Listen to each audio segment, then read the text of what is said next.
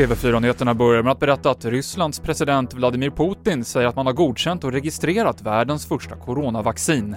Men många i forskarvärlden är skeptiska till om det gjorts tillräckligt med tester för att man ska veta om vaccinet faktiskt fungerar.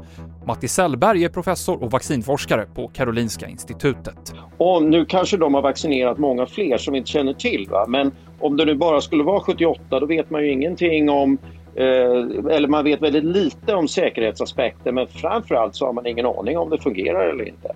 102 dagar efter att Nya Zeeland utropade seger över coronaviruset så har man fått nya fall där personer smittats innanför landets gränser.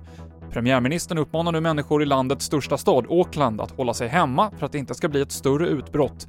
Dessutom kommer restauranger och butiker hållas stängda de närmsta dagarna och det blev stopp på Västkustbanan i förmiddags efter att en stol började brinna ombord på ett pendeltåg i Kungsbacka. Personalen säger att det luktade bensin i vagnen och händelsen utreds som misstänkt mordbrand. Ingen person ska ha kommit till skada. TV4-nyheterna med Mikael Klintevall.